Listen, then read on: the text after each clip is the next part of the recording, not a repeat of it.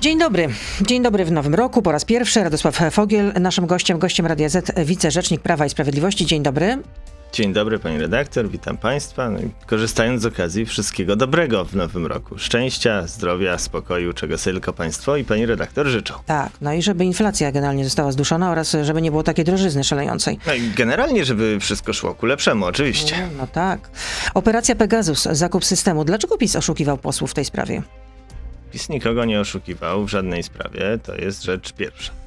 Rzecz druga, rzeczywiście przekartkowałem ten artykuł, do którego, jak się domyślam, pani redaktor się Tak. odnosi dzisiaj. Pozwoli pan, że wytłuma- e, wyjaśnię o co chodzi, że jak pisze Gazeta Wyborcza, zakup systemu Pegasus, który ma tropić terrorystów, e, e, ten zakup został sfinansowany z Funduszu Sprawiedliwości, resortu Sprawiedliwości i był precyzyjnie zaplanowaną operacją ministerstwa i CBA. Na każdym etapie zadbano o kamuflaż.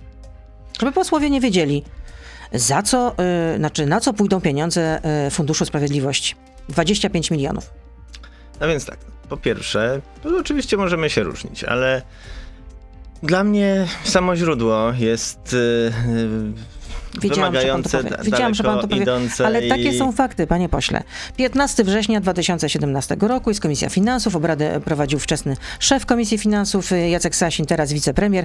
Jest punkt trzeci do zaopiniowania. Wniosek ministra sprawiedliwości w sprawie zmian finansowych Funduszu Pomocy Pokrzywdzonym. I nie ma tam ani słowa, że chodzi o zakupy na rzecz CBA. Posłowie to zaakceptowali. No I, co, ma, I co ma z tym wspólnego? Bo pan chce tutaj podważyć wiarygodność Nie, po Gazety kolei. Po, tak, chciałem kilka rzeczy. tak. Chciałem kilka, chciałem kilka rzeczy powiedzieć. No nie zdążyłem. Być może teraz mi się uda. Proszę. Eee, nigdzie nie ma ni- nic na temat zakupów dla CBA, więc to, to jest po pierwsze to się samo w sobie jest wewnętrznie niepotwierdzające się, ale, ale po kolei, po kolei.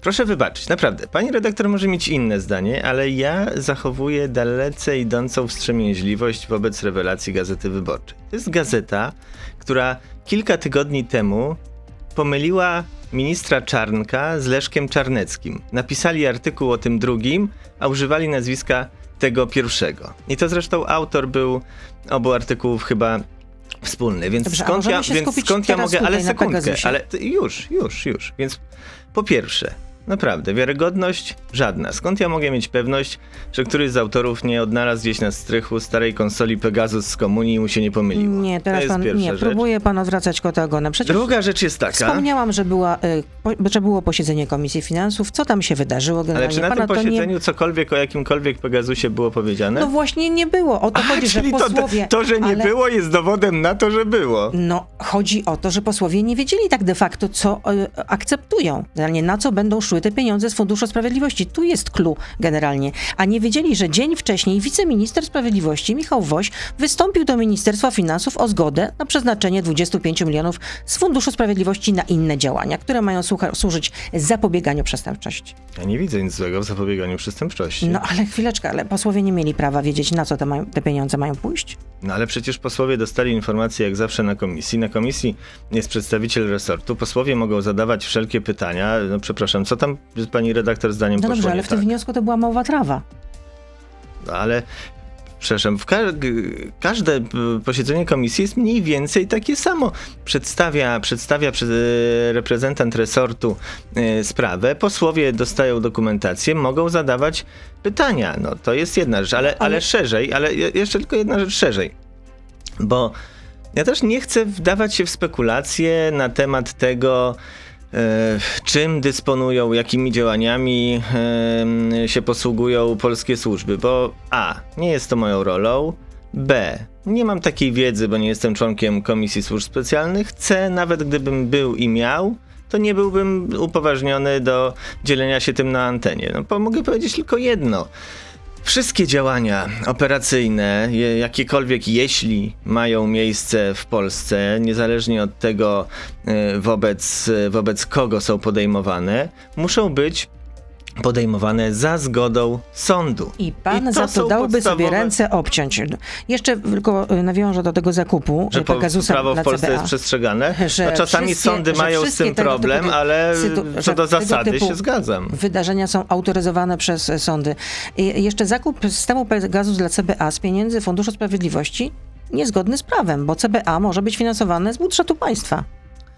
Ale po pierwsze, cały czas no, działamy w e, obrębie spekulacji wynikających z tego artykułu, więc proszę pozwolić, że ja nie będę się do nich odnosił, bo naprawdę nie mam żadnych informacji, które by to potwierdzały. A dlaczego jesteście przeciwni powstania kom- komisji śledczej, która wy- e, wyjaśniłaby aferę wokół Pegasusa? Bo nie ma afery wokół Pegasusa. To jest pana zdanie. No, oczywiście. No to jeśli, to tym bardziej jak nie macie sobie nic do zarzucenia, wy, czyli Prawo i Sprawiedliwość, y, koalicja rządząca, to dlaczego generalnie nie można powołać komisji śledczej w tej sprawie? Przecież służby zawodzą. Prokuratura na przykład odmówiła wszczęcia postępowania e, w sprawie włamania się do telefonu prokurator Wrzosek. Pani Ale- prokurator e, zawiadomiła prokuraturę w tej sprawie. Znaczy, ale nie ma też dowodów na to, y, że reptilianie y, rządzą światem. I czy to jest powód do tego, żeby powoływać komisję śledczą? Błagam, A już naprawdę, na poważnie. serio, to ma być argument. No pani redaktor No, no, użyła, no, panie ale pani redaktor no nie, użyła dokładnie no. takiego argumentu, że Nie. skoro, to, po, to pani powiedziała, no że skoro pana zdaniem nie ma e, afery Pegasusa, to co szkodzi po, powołać komisję śledczą? No jeżeli nie No, ma afery nie ma rządu afery reptiliańskiego, Pegasusa, to co szkodzi po, powołać komisję śledczą? Jest, no wielu prawników, według wielu prawników jest. Dobrze, pani redaktor, więc tak, no po pierwsze, komisje śledcze już poważnie e, po, powołuje się w sytuacji, kiedy e, zwy, e, zwykłe, standardowe działania organów państwa nie przynoszą efektu. No po No pierwsze, i służby tutaj nic takiego nie Prokuratura odmiana, odmawia nawet postępowania w Po drugie, do telefonu. Po drugie, tu, tu wchodzimy w jeszcze kolejny temat, bo równocześnie chce się, by, byśmy, by opinia publiczna by uwierzyła, że polskie służby dysponują super, hiper tajnym, wyrafinowanym sprzętem szpiegowskim najwyższej klasy kupionym po tajniacku za grube miliony, prawda? O tym jest ten artykuł. 25 milionów. Tak. To po prostu top of the top, prawda? A z drugiej strony chce się nas przekonać, że jaka, jakiś NGO z Kanady odkrył, że to super tajne, e, wyrafinowane oprogramowanie e, było w telefonie Romana Giertycha czy, czy pani prokurator. E, Bo... Może tam wysłać swój telefon. I naprawdę pani uważa, że gdyby ktokolwiek dysponował takim sprzętem e, klasy e, kosmicznej, to, to, to jakiś NGO w że Dla pana Kanadzie... jest w ogóle to nie do, wykry- nie, nie do wykrycia, że, ja że nie wiem, Pegasus inwigil- inwigiluje na przykład daną osobę. Nie mam zielonego pojęcia, mówię tylko, że te wszystkie doniesienia są wewnętrznie sprzeczne.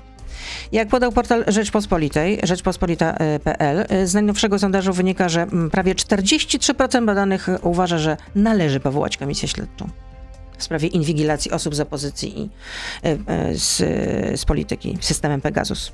I co pan na to? No, rozumiem, ale decyzję na ten temat podejmuje większość sejmowa w oparciu o e, fakty, a nie w oparciu o na przykład obsesję albo czyjeś ego po stronie opozycji. To jeszcze na koniec części y, tej radiowej zapytam, czy będą przedterminowe wybory. E, Bo nie- szerzą się y, pogłoski, że takowe mają być. Nie przewiduję je. Takie, tylko przypomnę, że takie pogłoski szerzą się co chwilę. Yy, Chyba parę miesięcy temu takie, takie tajne źródło i to jeszcze twierdził, że to prosto z Nowogrodzkiej podawał Szymon Hołownia i wydaje mi się, że z tego co on mówił, to już byśmy byli w szczycie kampanii wyborczej, czy bylibyśmy w ogóle po wyborach. No, naprawdę ze spokojem podchodzę do tego typu rewelacji. A zarezerwował, za- zarezerwował pan billboardy na maj? Nie. Nie. No to o tym, o tej rezerwacji to jeszcze porozmawiamy w części już e, internetowej. Jesteśmy na Facebooku, na Radio ZPL, na YouTubie. Radosław Fogiel, oczywiście wicerzecznik Prawa i Sprawiedliwości z nami zostaje. Dzisiaj z kawą przyszedł do studia. I, I proszę zostać z nami, Beata Lubecka, zapraszam.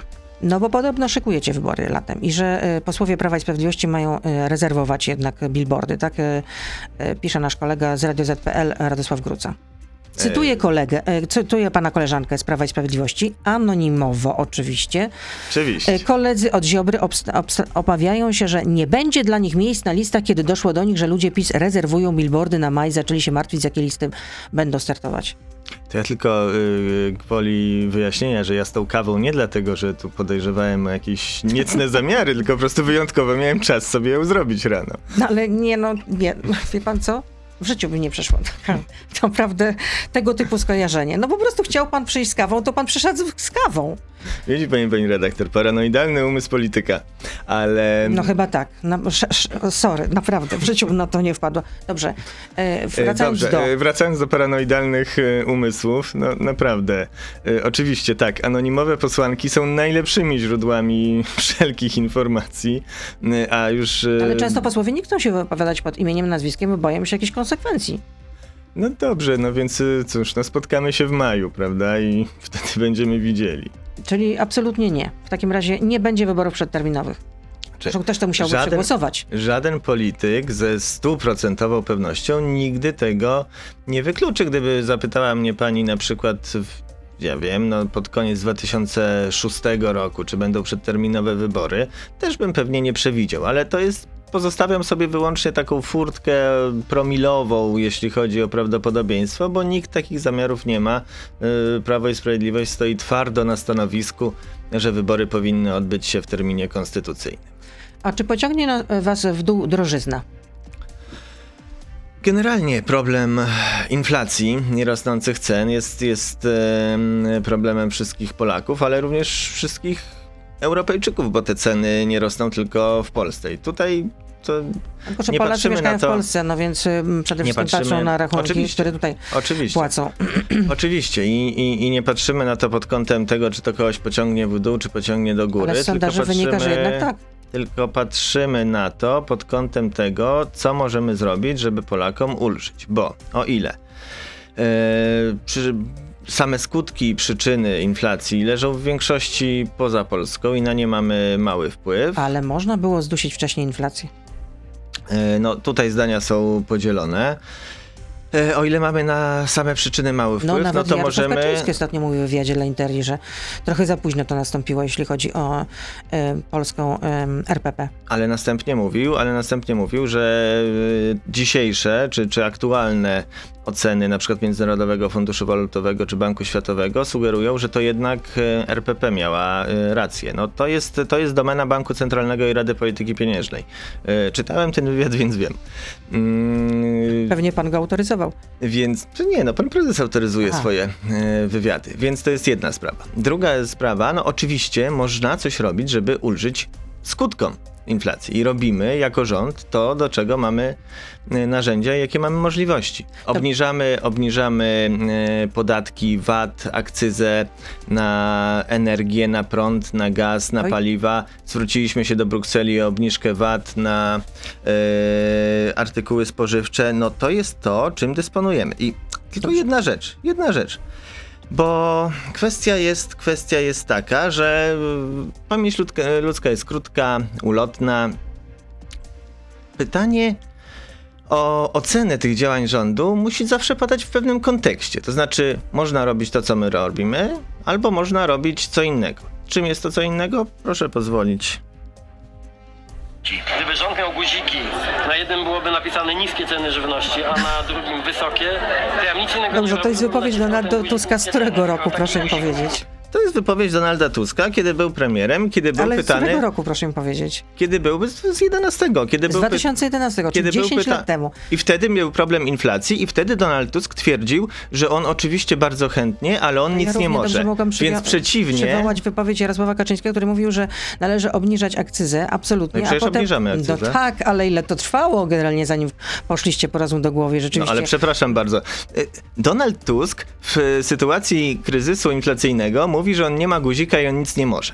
Mateusz Morawiecki w takiej samej sytuacji obniża podatki, występuje do Komisji Europejskiej o Sam obniżkę obniża, no. y, VAT-u, y, obniżamy akcyzę na paliwa, właśnie tak jak zapowiadał Jarosław Kaczyński. To jest ta zasadnicza różnica. Robimy to, co leży w możliwościach rządu, żeby Polakom ulżyć. Jak zobaczyliście rzeczywiście, że możecie s- stracić w sondażach, no to po prostu jest panika i... Yy, Aha, czyli jest źle, gdybyśmy nic nie robili, źle, że coś nic tak- robimy. Nic takiego nie powiedziałam, natomiast po prostu zrobiliście to za późno. A czy będzie w takim razie korekta przepisów dotycząca y, cen za dostarczenie gazu? Bo okazuje się, że są problemy, że ci, którzy korzystają z takich kotłowni zbiorowych, jeśli chodzi o ogrzewanie gazem domów, no to będą płacić rachunki, które będą y, wyższe o 700%. 500, 600%. To jest wszystko e, kwestia decyzji e, właściwych ministerstw, również Urzędu e, Regulacji. Yy, tak, no przede wszystkim musimy znowu, bo oczywiście możemy patrzeć wyłącznie na tu i teraz i, i i z drugiej strony trudno to krytykować, tak? Jeżeli ktoś dostaje wyższy rachunek za gaz, wszyscy dostaniemy wyższe rachunki za gaz, pani redaktor, ja również, e, to oczywiście no nie tak, jest to, z tego co powodu... innego 50% podwyżka, co innego jak jest 500% Oczywiście nie, nie, nikt nie jest z tego powodu zadowolony, tylko musimy zdawać Czy sobie będzie sprawę... korekta w takim razie? No tylko, bo... Już, odpowiadam. Tylko musimy zdawać sobie sprawę, jakie są na przykład znowu przyczyny tego wszystkiego. A przyczyną cen gazu jest to, że duża część krajów Zachodu uzależniła się od Gazpromu, od Rosji, pozwoliła zbudować Nord Stream 2 i dzisiaj to Rosja dyktuje ceny gazu w Europie. Dobrze, Jeśli ale chodzi pytam, o korektę przepisów... Czy tutaj nie jest jednak pewna dziura? No przecież chyba można było to przewidzieć, że e, ludzie, którzy nie mają podpisanych e, tych umów indywidualnych, a korzystają ze wspólnego kotła, który ogrzewa e, pomieszczenia gazem, no to będą płacić takie, a nie inne rachunki. No można to było przewidzieć? Można. Jeżeli o to e, chodzi, no będziemy się temu na pewno przyglądać. To też jest kwestia, jak e, to wygląda w rzeczywistości, bo często jednak w takim publicystycznym opisie nie zawsze, nie zawsze fakty są oddawane bardzo dokładnie. Przykład chociażby ostatnich pretensji prezydenta Warszawy dotyczących mieszkań komunalnych, kiedy okazało się, że wina jest jednak po stronie władz Warszawy, które zaniedbały. E, jeśli chodzi na przykład o wspólnoty mieszkaniowe, tu e, również no, zarządca wspólnoty powinien wystąpić e, o traktowanie mieszkań indywidualnie, bo to rzeczywiście jest sytuacja taka, że I co, pewnie, zawodzą w takim razie, że rozumiem, pewnie ktoś zarządcy, miał, tak? Pewnie ktoś przez wiele lat miał korzystniej, jeśli, jeśli używał taryfy zbiorczej. Teraz to się być może zmieniło. Czy tak jest w sytuacji gazu? Nie odpowiem dzisiaj, będziemy te, te się temu przyglądać. A czy będzie nowelizacja budżetu i kiedy? No, na razie to budżet został dopiero przyjęty, ale, ale, oczywiście, jeżeli będzie taka potrzeba, no to w ciągu roku są możliwości nowelizacji budżetu. No ale wie pan o co chodzi, że poziom y, średniorocznej inflacji, jaki tam zapisano, na poziomie 3,3%. A już teraz mówi prezes Glapiński, że to będzie na poziomie no, prawie 8%, a y, w szczytowej formie ponad 8% w przyszłym roku. Ale inflacja tak, pomiary inflacji zmieniają się miesiąc do miesiąca.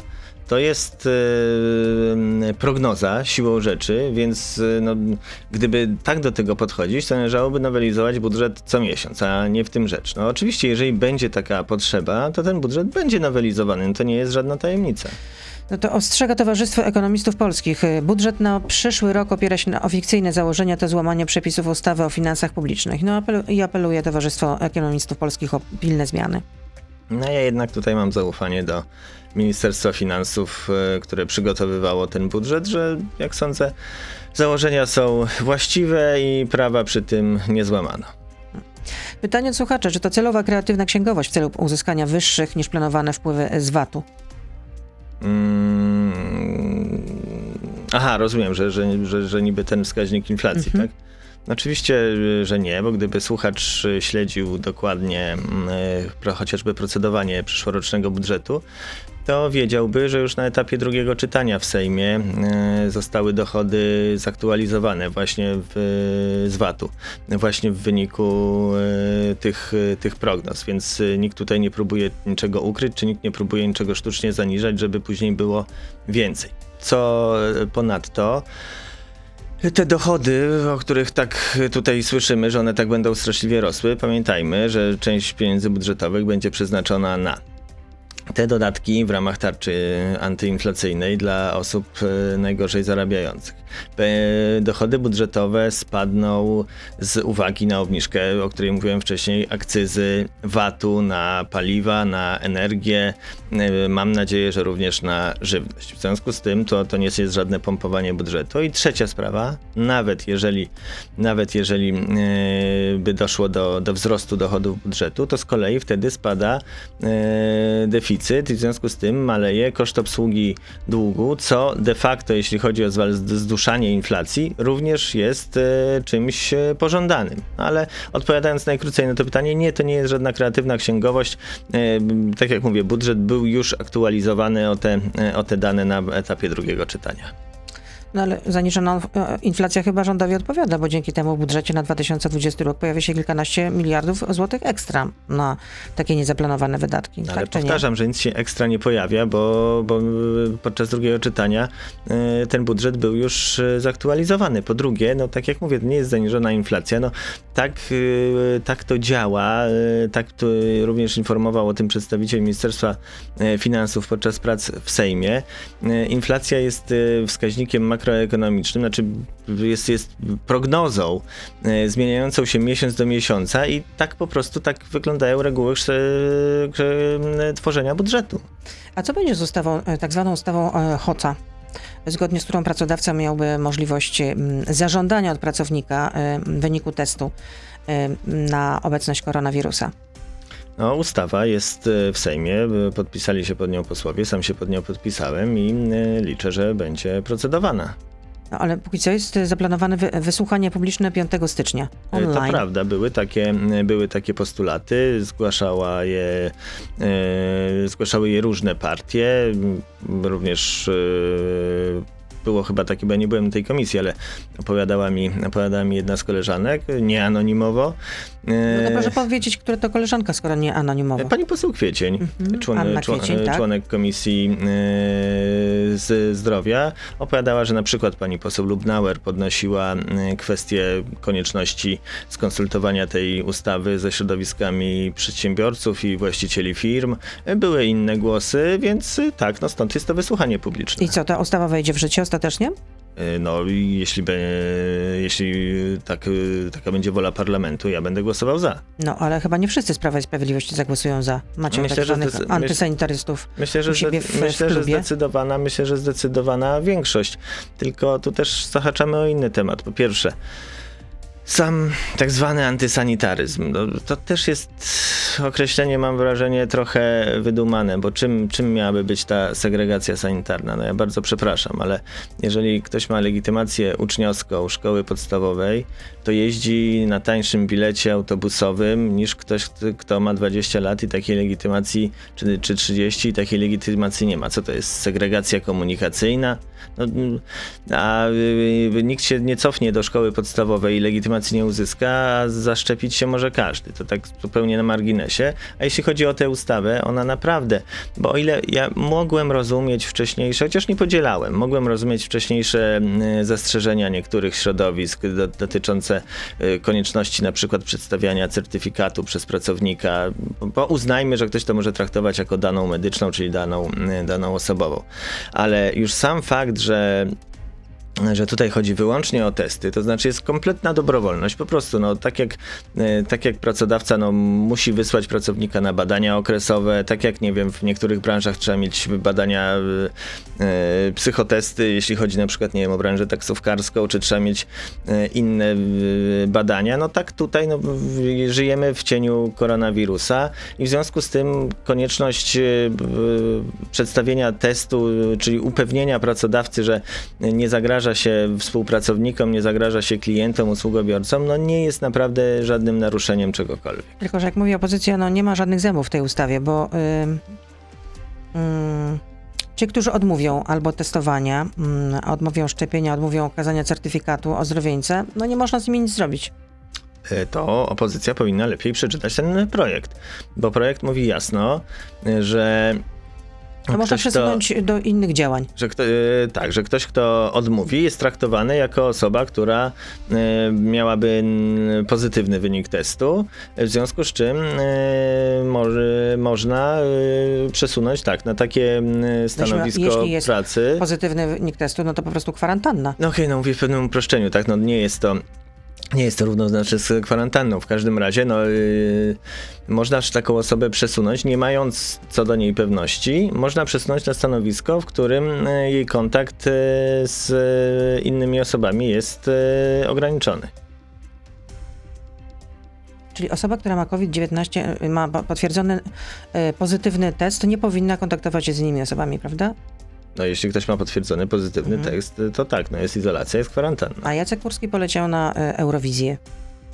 To jest pytanie do Jacka Kurskiego. Czytałem jego wyjaśnienia. Twierdzi, że e, był już wtedy w posiadaniu testu dowodzącego, że jest ozdrowieńcem. Ja nie śledzę aż tak dokładnie sytuacji zdrowotnej Jacka Kurskiego. Ale pana nie bulwersuje ta sprawa? Jeżeli rzeczywiście było coś tam nie tak, to y, by mnie bulwersowało. Mm, Na razie no, nie mam takiej pewności. No bo jak znowu odwołam się do, do Gazety Wyborczej, pan będzie znowu pewnie y, kwestionował y, uczciwość dziennikarzy, którzy tam pracują. Nie wiem na jakiej podstawie, y, ale y, y, rozmówcy z Sanepidu, rozmówcy autorki tego tekstu, Justyny Watoły, mówią, że y, y, Judytek Watoły, przepraszam, pomyliłam imię, że nie ma możliwości skrócenia 10-dniowej izolacji, a za złamanie przepisów grozi nawet przecież 30 tysięcy złotych grzywny.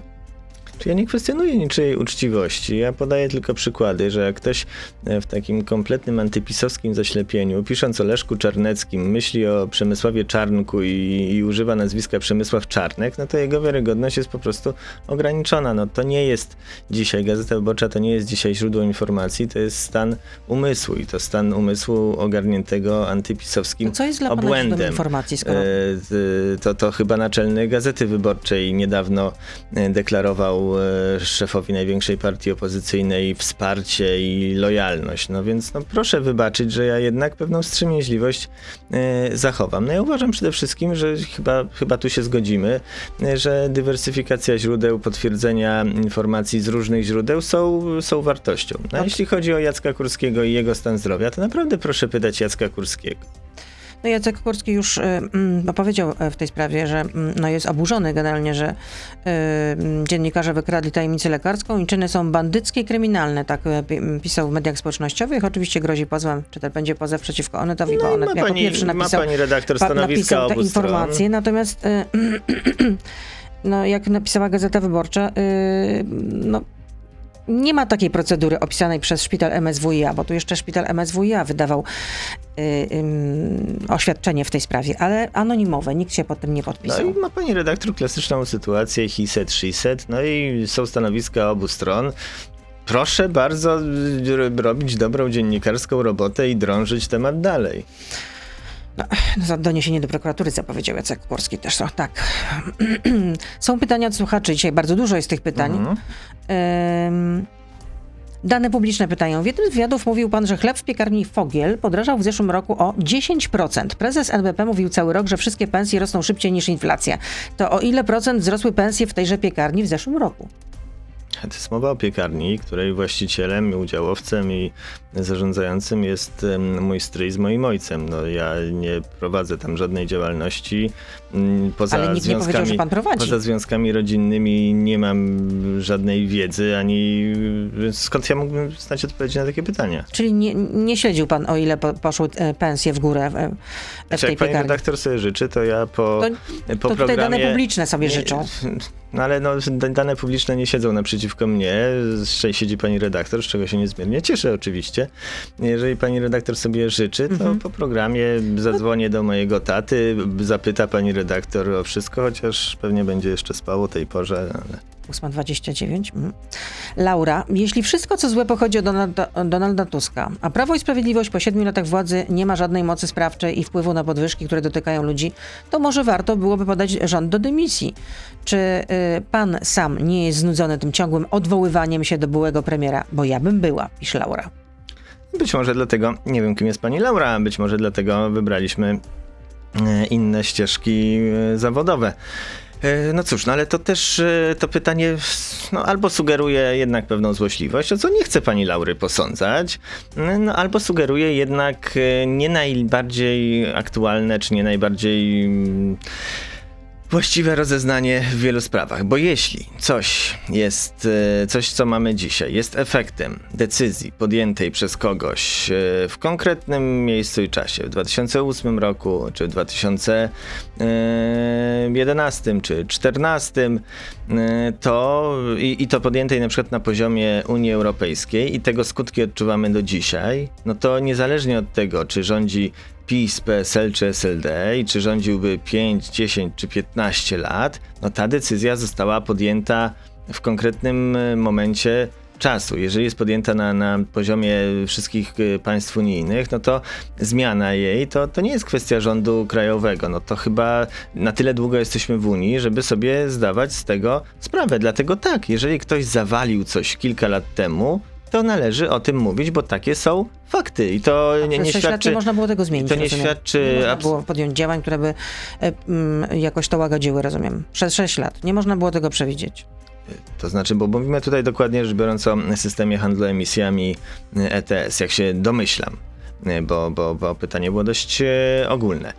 Znaczy, co można było zmienić? No, y, Mateusz Morawiecki walczy teraz na forum Rady Europejskiej o y, zmianę tego i reformę tego systemu. Kilka lat temu on nie był jeszcze na tyle uciążliwy. Pieniądze wpływają z tych e, do budżetu państwa, tak czy nie? To zaraz, po kolei. E, Kilka lat temu ten system nie był jeszcze tak uciążliwy, bo spekulacje nie miały jeszcze aż takiego poziomu. No, dzisiaj jest sytuacja, w której e, za certyfikaty, za które płaciło się kilkanaście euro, płacimy y, po 80-90 euro. To jest, bo, bo y, wszedł w życie, znaczy wszedł tutaj y, mechanizm giełdowy, mechanizm spekulacyjny. Ale gdybyśmy zaczęli odchodzić Jeśli- od węgla na rzecz OZE, to też można byłoby nieco przeciwdziałać tym skutkom, czy nie? Ale przecież odchodzimy od węgla. To rząd Prawa i Sprawiedliwości jest pierwszym rządem od lat, który podjął poważne rozmowy z- ze stroną społeczną, z branżą górniczą Ale i podpisał, kiedy? I, podpisał, i podpisał umowę. Nie no, trwało to dużo dłużej. I podpisał, I podpisał umowę dotyczącą odejścia Polski od węgla, ale równocześnie musimy e, mieć świadomość, e, jak wygląda polski miks energetyczny, jak polskie bezpieczeństwo energetyczne jest oparte na węglu i że tu nie można tego zrobić z dnia na dzień. E, Pytała pani o to, e, o to e, że, że przecież te pieniądze trafiają do budżetu. To Tak, bo to jest pytanie, przepraszam, że panu wejdę w słowo. Katarzyna Lubnauer pyta, na co wydaliście w 2021 roku 25 miliardów z emisji CO2, jeśli Polacy płacą teraz tyle za prąd? No to muszę powiedzieć, muszę, muszę powiedzieć, że no jeżeli pyta o to pani... A co e, pan pani, tam szuka w telefonie? E, Małą mam e, ściągawkę, jeśli chodzi o przekazywanie pieniędzy z aukcyjnej sprzedaży emisji. E, No jeśli, jeśli pyta... Jeśli, biura prasowego. E, Nie, e, pani redaktor, Ministerstwa Klimatu ogólnodostępną Okej. na, na stronach Ministerstwa Klimatu. No to na co Również poszło to dostępną- 25, 25 już, miliardów? Już, również dostępną dla pani poseł Lubnauer. Jeśli pani poseł Lubnauer nie wie, jak to działa i uważa, że ta sprzedaż emisji ma jakiś związek bezpośredni z, i, i pieniądze trafiające do budżetu mają jakiś związek bezpośredni z, z rachunkami podatków, no to to ta niewiedza może wyjaśniać, czemu głosowała przeciw uchwale e, wspierającej polski rząd w e, dążeniach do reformy A systemu wracając do ETS. pytania. E, Więc tak, te pieniądze są przekazywane zgodnie z wy- wymogami unijnymi, między innymi na programy wspierające poprawę efektywności energetycznej e, budynków, na programy niskoemisyjnego transportu. E, Program Mój Prąd jest e, z tego finansowany. E, Programy wspierające rozwój OZE, bo tak to ma wyglądać. Tylko dodajmy jeszcze jedną rzecz. Rzeczywiście, jakieś dochody z tego do budżetu państwa trafiają, bo te pieniądze trafiają na te cele, o których, e, o których mówię. Tylko my byśmy byli bardzo szczęśliwi, gdyby, e, gdyby równocześnie, bo, bo przypomnijmy, bo te e, emisje muszą być kupowane również przez firmy produkujące energię. I bilans de facto jest taki, że jeśli chodzi o całą gospodarkę narodową, że więcej środków w ramach handlu emisjami wypływa niż wpływa. Muszą wydawać grube dziesiątki milionów, e, jeśli nie więcej, e, spółki energetyczne na właśnie handel emisjami, co sprawia, że są wyższe ceny, co sprawia, że mają mniej pieniędzy na inwestycje w czyste źródła energii, co sprawia, że transformacja energetyczna jest przedłużona. No, dzisiaj mamy taką sytuację, że w ramach tego systemu, który był pomyślany, nawet jestem skłonny założyć, że on był pomyślany z dobrą wolą. Eee, W tym celu, żeby, żeby rzeczywiście gospodarki europejskie były, były niżej emisyjne. Tylko dzisiaj mamy sytuację taką, że spekulacja tymi certyfikatami CO2 doprowadziła do takiego wzrostu cen, że w niektórych krajach przewoźnicy kolejowi rezygnują z e, lokomotyw zasilanych prądem i na tory powracają stare spalinowe lokomotywy. No to jest chyba przeciwskuteczne, to jest jakiś absurd. Kolejne pytanie. Michał pyta. W ostatnich dniach wiadomościach codziennie poświęcono kilkanaście minut, rekord to 17 minut, na e, lansowanie Sylwestra Marzeń. Czy uważa pan taki sposób wydawania pieniędzy podatników e, za właściwy sposób informowania o najważniejszych wydarzeniach? Znaczy, to tak, no, wynika z tego, co pan Michał pisze, że yy, to nie była jedyna informacja w wiadomościach, to po pierwsze. Po drugie, znaczy to pytanie jest trochę zawoalowane. Znaczy, Nie, nie wiem, gdzie jest jego clue. No, czy chodzi o to, że jest jakiś problem z tym, że telewizja... Czy nie za dużo było tych informacji dotyczących Sylwestra Marzeń? A na przykład w dniu, kiedy podano informację, że jest e, no, czarny rekord, przepraszam, że tak mówię, bo to nie, słowo rekord jest tutaj absolutnie nie, nie na miejscu, że bardzo wiele osób zmarło w Polsce i że to największy, e, największa liczba od początku czwartej fali, a w tym momencie e, 17 minut było poświęconych właśnie na to, żeby e, wypromować to wydarzenie. No tak, ale to chyba jedno nie wyklucza drugiego, a z drugiej strony ja się nie... No, jakby, czemu miałbym... No dobrze, ale e, w czy to powinno być na sposób- jedynce tak zwanej, pana zdaniem? To jest najważniejsze wtedy dla Polaków? Znaczy, A mówimy z, e, o E, medium publicznym, no, no, finansowanym przez, e, za pieniądze podatników. No rozumiem. I e, informującym o wydarzeniu przez to medium e, organizowanym, no więc z, z drugiej strony, kiedy, kiedy mieliśmy sytuację nowelizacji ustawy o radiofonii, Ale można było które to, to, to, to inne stacje informacyjne, zwłaszcza te, które odnosiły te nowelizacje do siebie, bo, bo mają pewien problem z, ze strukturą e, akcjonariatu, e, to te telewizje temu poświęcały bardzo dużo czasu również, no więc no, oceniajmy wszystkich jedną miarą. No, No ale w dniu, kiedy bada, kiedy jest tak duża liczba e, zgonów, e, a informuje się o, e, przez 17 minut o tym, jaka będzie super zabawa w czasie pandemii, no to rozumiem, że nie widzi pan tutaj nic nagannego, nie widzi znaczy, pan ale przepraszam, nic... ale czy ta informacja o, o e, zgonach e, nie padła wtedy w wiadomościach? Bo, No ale nie powinno być jednak, e, nie wiem, podana jako e, pierwsza? No, a była podana jako która? Tego nie wiem, jaka była podana, natomiast więc, pamiętam, e, że, pamiętam no tylko, więc- że przez 17 No więc, minut. pani, no więc pani redaktor, no trochę, trochę rozmawiamy, bo ja też nie oglądałem tych wiadomości, trochę rozmawiamy chyba obydwoje jak gęś z prosięciem, nie bardzo wiedząc o czym rozmawiamy. No, proponuję, żeby pan Michał, jeżeli ma jakieś wątpliwości, skierował je do e, Krajowej Rady Radiofonii, czy do e, Rady Mediów Narodowych, czy do Rady Etyki Mediów, no to są e, odpowiednie ku temu instytucje. A kiedy będzie likwidacja Izby Dyscyplinarnej? Kolejne pytanie. Czy coś pan wie na ten temat? To znaczy, nie, nie ma takiego projektu jak likwidacja Izby Dyscyplinarnej. Jest y, planowana ciąg dalszy reformy wymiaru sprawiedliwości, w ramach którego ma dojść również do zmiany y, w systemie odpowiedzialności dyscyplinarnej. I tyle. No i kiedy ta, bo em, słyszymy, że blokuje w takim razie e, to pan prezydent, bo mu się nie podobają te zmiany. W związku z tym rozumiem, że likwidacji Izby Dyscyplinarnej nie będzie i w związku z tym nie wpłyną na nas pieniądze e, na Krajowy e, Plan Odbudowy. To znaczy wiązanie pieniędzy na Krajowy Plan Odbudowy z funkcjonowaniem w Polsce odpowiedzialności dyscyplinarnej sędziów jest e, moim zdaniem dalece niewłaściwe, bo po pierwsze ani nie jest to, ani nie jest to kompetencja Komisji Europejskiej czy TSUE. Traktaty nie przekazują kompetencji w sprawach sądownictwa e, Unii Europejskiej. Po drugie, no to by trochę wynikało, że my mamy oddawać e, swoje e, suwerenne uprawnienia w zamian za jakieś pieniądze. A po trzecie, jeśli chodzi o Fundusz Odbudowy i Odporności, czyli, czyli Krajowy Plan Odbudowy, to mm, Polska wszystkie wymagania formalne spełniła. No to teraz to Komisja Europejska w sposób nielegalny i bez e, żadnych e, merytorycznych e, przyczyn wstrzymuje te pieniądze. My czekamy, kiedy Komisja Europejska zacznie wykonywać swoje obowiązki. Jan pyta, czy to prawda, że nie ma stenogramów ze spotkań Rady Medycznej przy premierze? Nie mam zielonego pojęcia. Nie jestem członkiem Rady Medycznej, w życiu nie byłem na jej spotkaniu, nie, nie pracuję w kancelarii prezesa Rady Ministrów, gdzie ta rada funkcjonuje. Nie mam zielonego pojęcia, jak technicznie funkcjonują posiedzenia y, Rady Medycznej. A takie spotkania z Radą Medyczną powinny być pana zdaniem transmitowane? Żeby Polacy wiedzieli, o czym, o czym e, jest mowa? Trudno mi powiedzieć. No, pewnie są argumenty za, pewnie są argumenty przeciw. No, prawdopodobnie padają tam bardzo specyficzne naukowe argumenty, albo są rozmaite tezy stawiane, które później mogą być falsyfikowane czy potwierdzane. No to, to trudno mi to ocenić. No, jak się na przykład e, transmituje e, ogłoszenie wyroku Trybunału Konstytucyjnego, to tam też jest taka e, wiedza, no, można powiedzieć, dla, ci, dla tych, którzy nie stu, studiowali prawa, No to, więc to ja się absolutnie.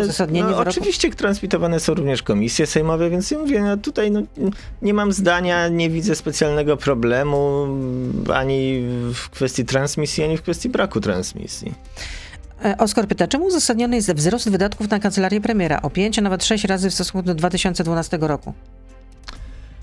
Eee, to znaczy, co, po pierwsze to cie, ciekawy punkt odniesienia, dlaczego akurat 2012 rok, a nie na przykład, nie wiem, 14 czy 15, bo rozumiem pewną cezurę zmiany, e, Dobrze, cezurę chodzi o rządy Platformy rządu. Obywatelskiej. Powiedzmy sobie, że Ale e, rządy Platformy w Obywatelskiej... budżecie, w budżecie 2000, na, dwa- na 2022 rok zaplanowano bu- e, wydatki Kancelarii Pre- e, Prezesa Rady 800 Ministrów milionów ponad z 800 kapitału. milionów No. złotych. A za czasów Platformy Obywatelskiej wydawano na ten urząd 150 milionów. Już odpowiadam. No, nie wiem, w którym roku wydawano 150 milionów, być może w tym 2012, ale jednak pewną cezurą jest raczej końcówka rządów, a nie mm, dowolnie przyjęty mm, rok, gdzie akurat zadającemu pytanie pasuje kwota. No ale zostawmy to. Yy, W ogóle trudno jest porównywać dzisiejszy budżet KPRM-u z budżetami poprzednimi. Mamy do czynienia z Inflacją. Nie, to nie o to chodzi. Z zupełnie nową instytucją w zasadzie. To znaczy, w tym sensie, Że że. zatrudniono więcej ludzi. Nie, no sekundę, pani redaktor, bo, bo jakby pani redaktor już zna odpowiedź, no to, to proszę A nie zatrudniono więcej? Pani redaktor, do KPRM-u przeszedł cały pion Unii Europejskiej y, z MSZ-u. W związku z czym te pieniądze i ci ludzie zostali wyjęci z MSZ-u, y, podpięci pod KPRM. Czyli zostało więcej ludzi zatrudnionych. Nie, pani redaktor, oni zostali przesunięci z MSZ do KPRM. To jest, to jest, to jest yy, przesunięcie miejsca pracy. To samo stało się e, w kwestii cyfryzacji. Ten pion cyfryzacji, który był wcześniej w Ministerstwie Cyfryzacji, jest teraz w KPRM-ie. To, to jest część przyczyn wzrostu budżetu. Druga, największa, ponad 90% tego wzrostu, mm, to jest dotacja celowa dla mm, Agencji Rezerw e, Strategicznych 200 milionów złotych, e, które to z kolei agencja przeznaczy na rehabilitację osób z niepełnosprawnościami. I to jest przyczyna tego wzrostu. Jeszcze było wiele, wiele więcej pytań, no ale już jest to 8.43, więc dziękuję bardzo. Radosław Fogiel był z nami. Mm, Oczywiście życzę odporności żelaznej w nowym roku. Wicerzecznik Prawa i Sprawiedliwości, przypomnę, kim jest Radosław Fogiel, gdyby ktoś nie pamiętał, ale myślę, że wszyscy pamiętają. Dobrego dnia. Do usłyszenia. Dziękuję serdecznie. Życzę tego samego. To był gość Radia Z. Słuchaj codziennie w Radio Z i na player radioz.pl.